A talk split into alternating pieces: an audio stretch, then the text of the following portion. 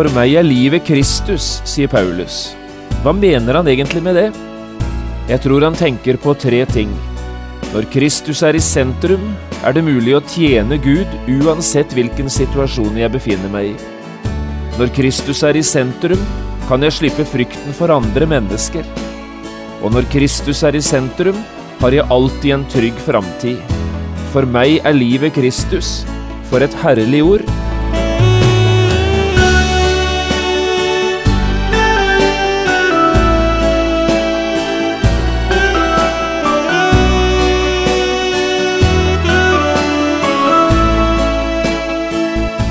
Hjertelig velkommen til et nytt program i serien Vindu mot livet.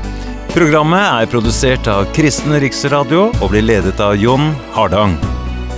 Dette programmet er produsert med støtte fra Herman Høyfjellssenter.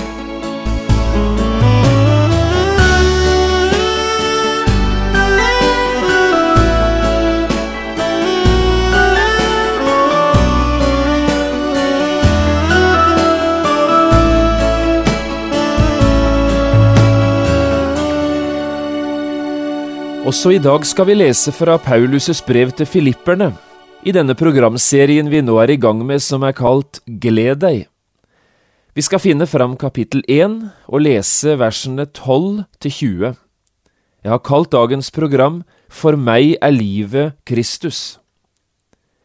Paulus skriver, Jeg vil at dere skal vite, brødre, at det som har hendt meg, heller har ført til framgang for evangeliet. Det er nemlig blitt kjent for hele livvakten og for alle de andre at det er for Kristi skyld jeg er i lenker. Og på grunn av mine lenker er de fleste av brødrene blitt så tillitsfulle i Herren at de med enda større mot taler ordet uten frykt. Noen er det nok som forkynner Kristus på grunn av misunnelse og stridslyst, men andre gjør det av god vilje. Disse gjør det av kjærlighet, for de vet at jeg er satt til å forsvare evangeliet. De andre forkynner Kristus av ærgjerrighet, ikke med rent sinn, men med tanke på å føye trengsel til mine lenker. Hva så? Kristus blir i alle fall forkynt, enten det nå skjer med baktanker eller i sannhet, og dette gleder jeg meg over. Ja, jeg vil også fortsatt glede meg. Jeg vet jo at dette skal bli til frelse for meg, ved at dere ber for meg, og ved at Jesu Kristi ånd hjelper meg. Slik er det min lengsel og mitt håp, at jeg ikke skal bli til skamme i noe, men at Kristus nå som alltid må bli æret ved mitt legeme i all frimodighet, enten det skjer ved liv eller ved død. For for meg er livet Kristus, og døden en vinning.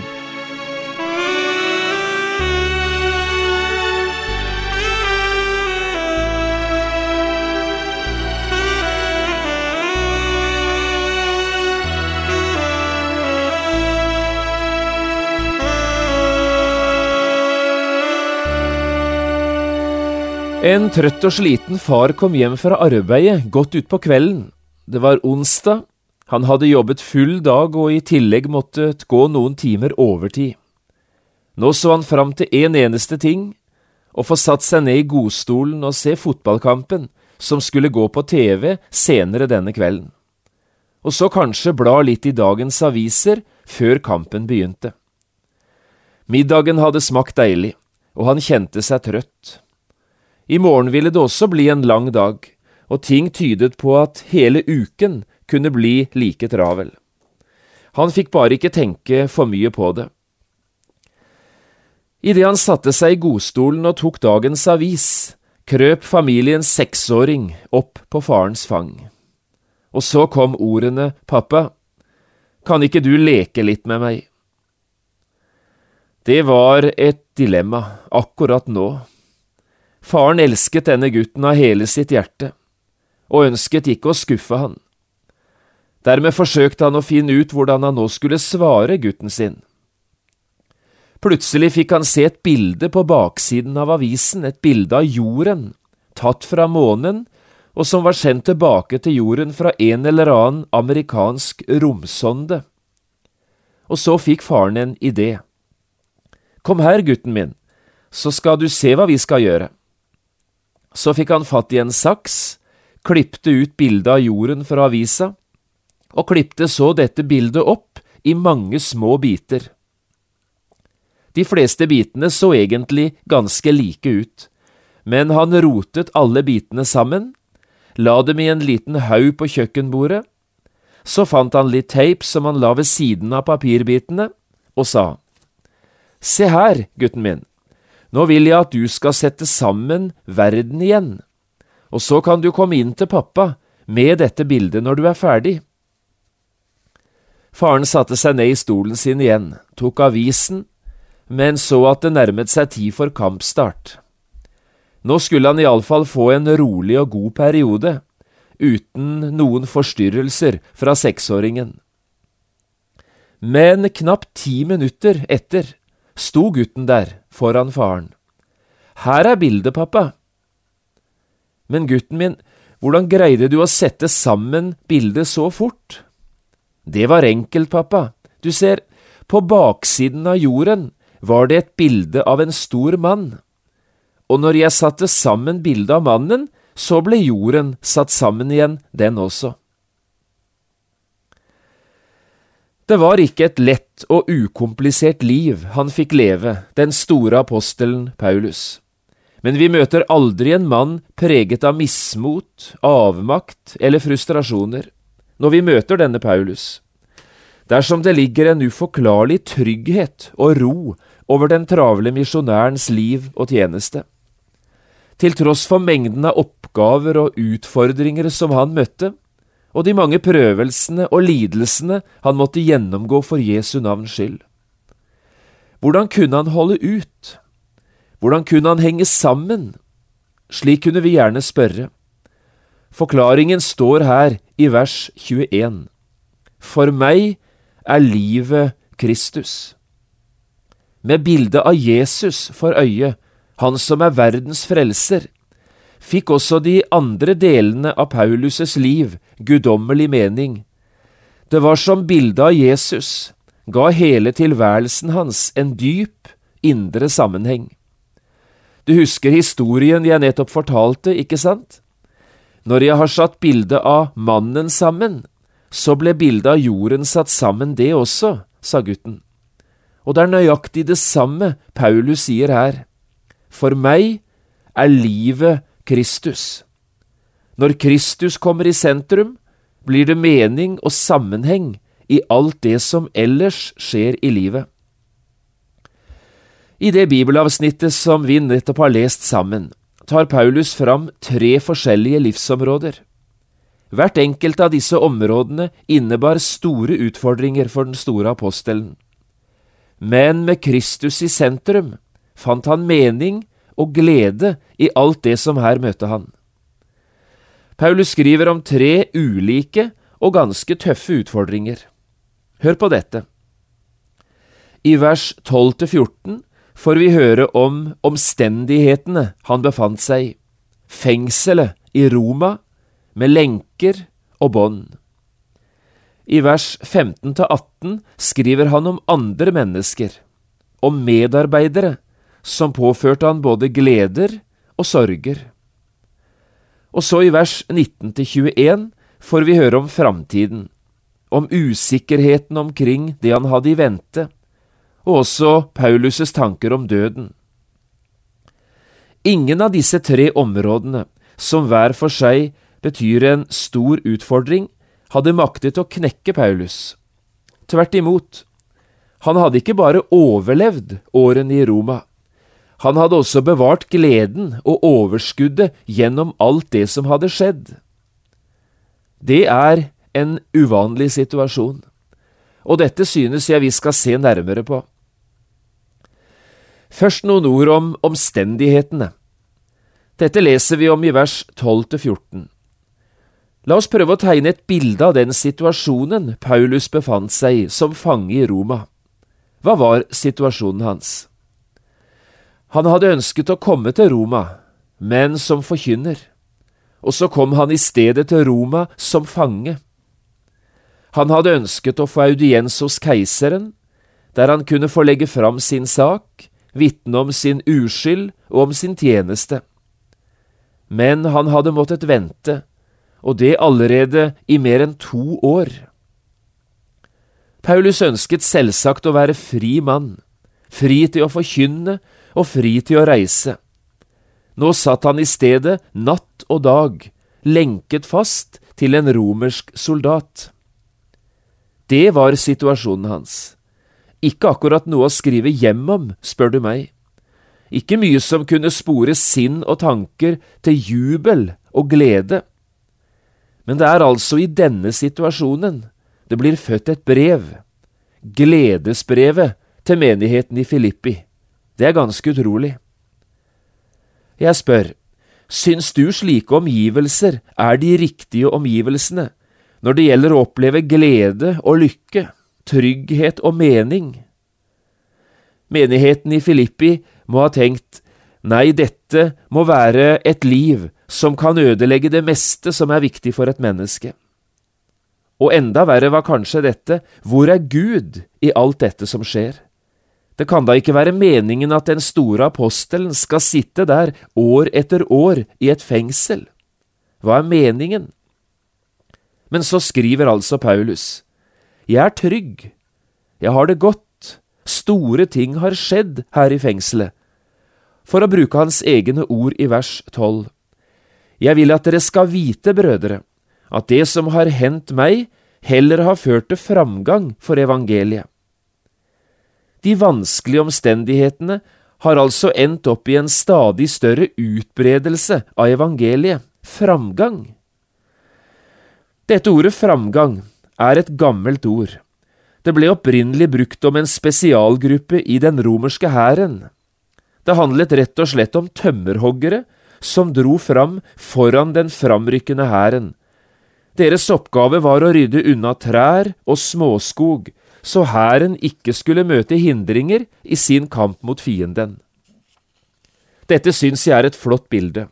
Omstendighetene, med fengsel og trengsel, de har ryddet vei for evangeliet, sier Paulus. Evangeliet går fram nå som aldri før, og det i et landskap blant mennesker som ellers aldri var blitt nådd. Lenkene, fengselet, har åpnet dører for evangeliet. Og så forklarer Paulus dette videre. Det er nemlig blitt kjent for hele livvakten og for alle de andre at det er for Kristi skyld jeg er i lenker. Det er ikke vanskelig å få tak i meningen med det Paulus her skriver. Apostelen kunne jo ha lagt seg ned på benken, stirret rett inn i veggen og tenkt, jeg er forlatt av Gud. I stedet velger han å se mulighetene. Han velger å se meningen, han velger gleden, og så formidler han gode nyheter fra fengselet. Situasjonen er følgende, her kommer de romerske soldatene, én etter én, inn i fengselet der Paulus sitter og så sitter de her lenket fast til Paulus i noen timer. Dermed var det en mulighet for evangeliet. Når Paulus ikke kom seg ut på misjonsmarken, ja, så sendte Gud misjonsmarken inn til han. En ganske utrolig situasjon. Alltid var det en romersk soldat der, og evangeliet er en Guds kraft til frelse, det visste Paulus, også i fengselet. Og så vitnet han. Se for deg en slik romersk soldat. Her sitter han lenket fast til Paulus i armen eller i beinet, og i lange, kjedelige timer får han oppleve det mest utrolige. Han hører apostelens vitnesbyrd, han får høre apostelen be, han ser folk komme til huset der Paulus satt i arrest, han hadde nemlig lov å ta imot besøk. Han så hvordan Paulus betjente dem, ba for dem, oppmuntret dem, og noen ganger var han vitne til Paulus da han ledet nye mennesker til Jesus. Det er klart at disse soldatene hadde noe å snakke om når de kom fra vakt. Denne fyren er ikke som andre fanger, iallfall ikke noen av dem jeg tidligere har vært lenke til, han er jo glad, og så snakker han om Gud, en stor Gud. Og det er ikke Cæsar eller Nero han snakker om, han snakker om en gud i himmelen, som vi aldri tidligere har hørt eller møtt her i Roma. Soldater var blitt frelst, takket være fengsel og lenker, ja, i keiserens eget hus florerte mennesker som trodde på Jesu navn. Vet du hva dette minner meg om? Det minner meg om Josef og måten han reagerte på da brødrene hans kom til Egypt i forbindelse med den store hungersnøden. Du husker den historien, gjør du ikke? Josef var jo på grunn av hat og misunnelse blitt solgt som slave til Egypt. Brødrene hadde løyet til sin far. De hadde vist faren en kappe med blod på, og Jakob, som så at dette var Josefs klær, han antok at gutten var død, nøyaktig slik brødrene hadde ønsket at faren skulle tro. Og så hadde årene gått. Josef havnet til slutt som statsminister i Egypt, og da hungersnøden kom, ja, så kom også brødrene hans til Egypt. Nå sto de her med hatten i hånda foran den mektige egypteren og ba om hjelp. Vi aner nok hva de tenkte, disse brødrene, da den mektige egypteren plutselig avslørte for dem hvem han var. Jeg er deres bror, Josef. Nå kommer Josef til å ta igjen, tenkte de, nå får vi lønn som fortjent. Men det skjedde ikke. Husker du hva Josef sa? Dere tenkte ondt mot meg, men Gud tenkte det til det gode hva er forklaringen? Ja, den er enkel. Josef er blitt et lykkelig menneske. Han hadde valgt gleden og meningen i det som skjedde. Han ønsket ikke å leve sine dager som statsminister i Egypt og bare tenke vent til jeg får tak i brødrene mine, de kjeltringene, så… Han tenkte helt annerledes. Tenk at Gud har tatt vare på meg gjennom alle disse årene i prøvelser og fristelser.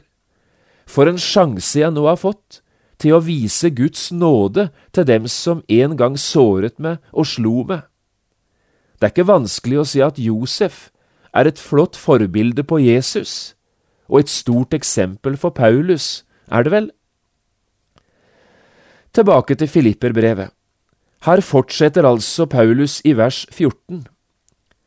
På grunn av mine lenker er de fleste brødrene blitt så tillitsfulle i Herren, skriver han, at de med enda større mot taler ordet uten frykt. Også det er sensasjon. Paulus' fengselsopphold har ikke bare resultert i frelste mennesker, takket være Paulus' egen forkynnelse, men også andre mennesker har fått ny frimodighet til å forkynne evangeliet. Noen er det nok som forkynner Kristus på grunn av misunnelse og stridslyst, men andre gjør det av god vilje, fortsetter Paulus. Det er i grunnen to typer forkynnere som har kommet på banen i Roma, sterkere enn før, på grunn av Paulus' tjeneste i fengselet. Noen har rene motiver, andre har urene motiver. Noen gjør det av kjærlighet, sier han, for de vet at jeg er satt til å forsvare evangeliet.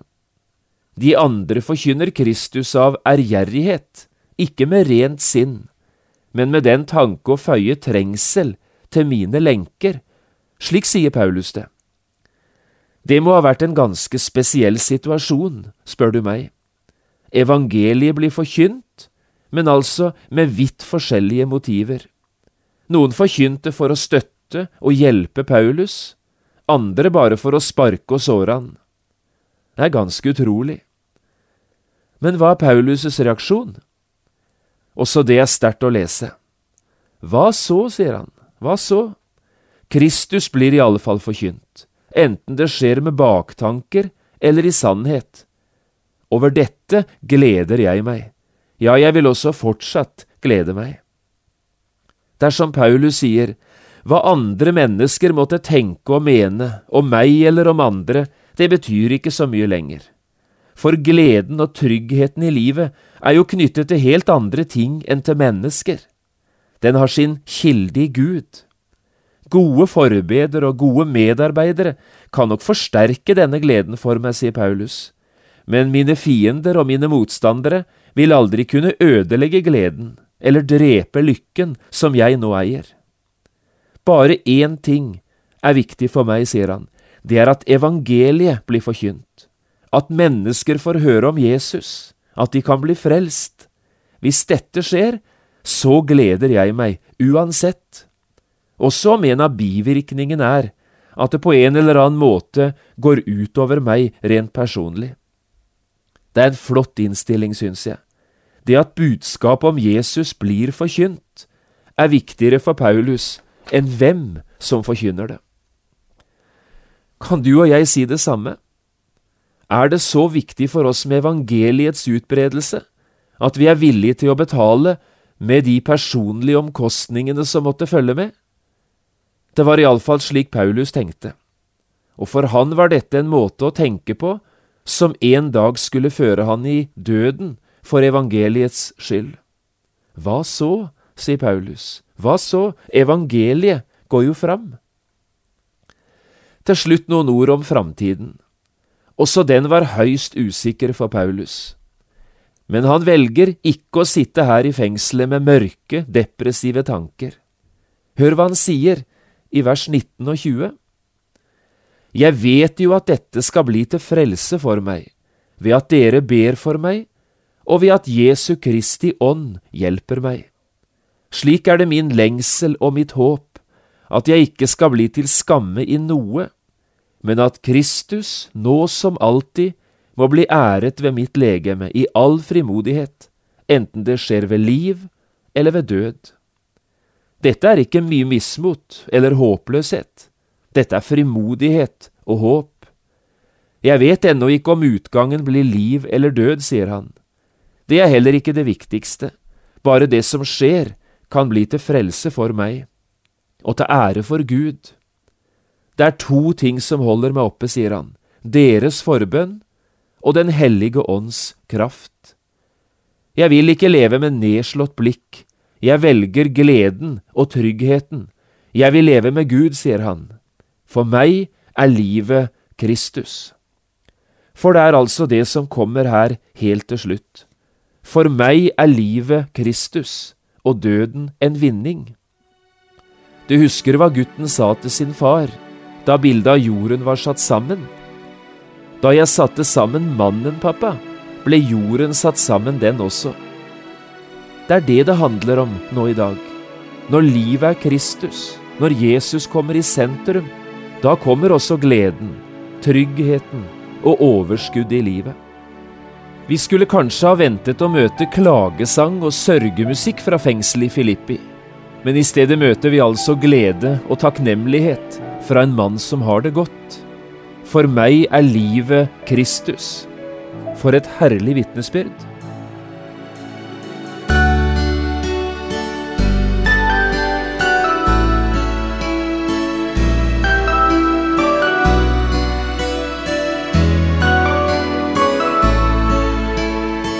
Du har lyttet til programmet serien Vindu mot livet med John Hardang. Programmene i denne serien kan også kjøpes på CD fra Kristen Riksradio, eller høres på internett på p7.no. Har du spørsmål eller kommentarer til det du nå har hørt, kan du ta kontakt med oss. Adressen er Kristen Riksradio, Skiene 2, 5353 Straume. Eller send en e-post vml alfakrøll p7.no. Takk for i dag, og på gjenhør.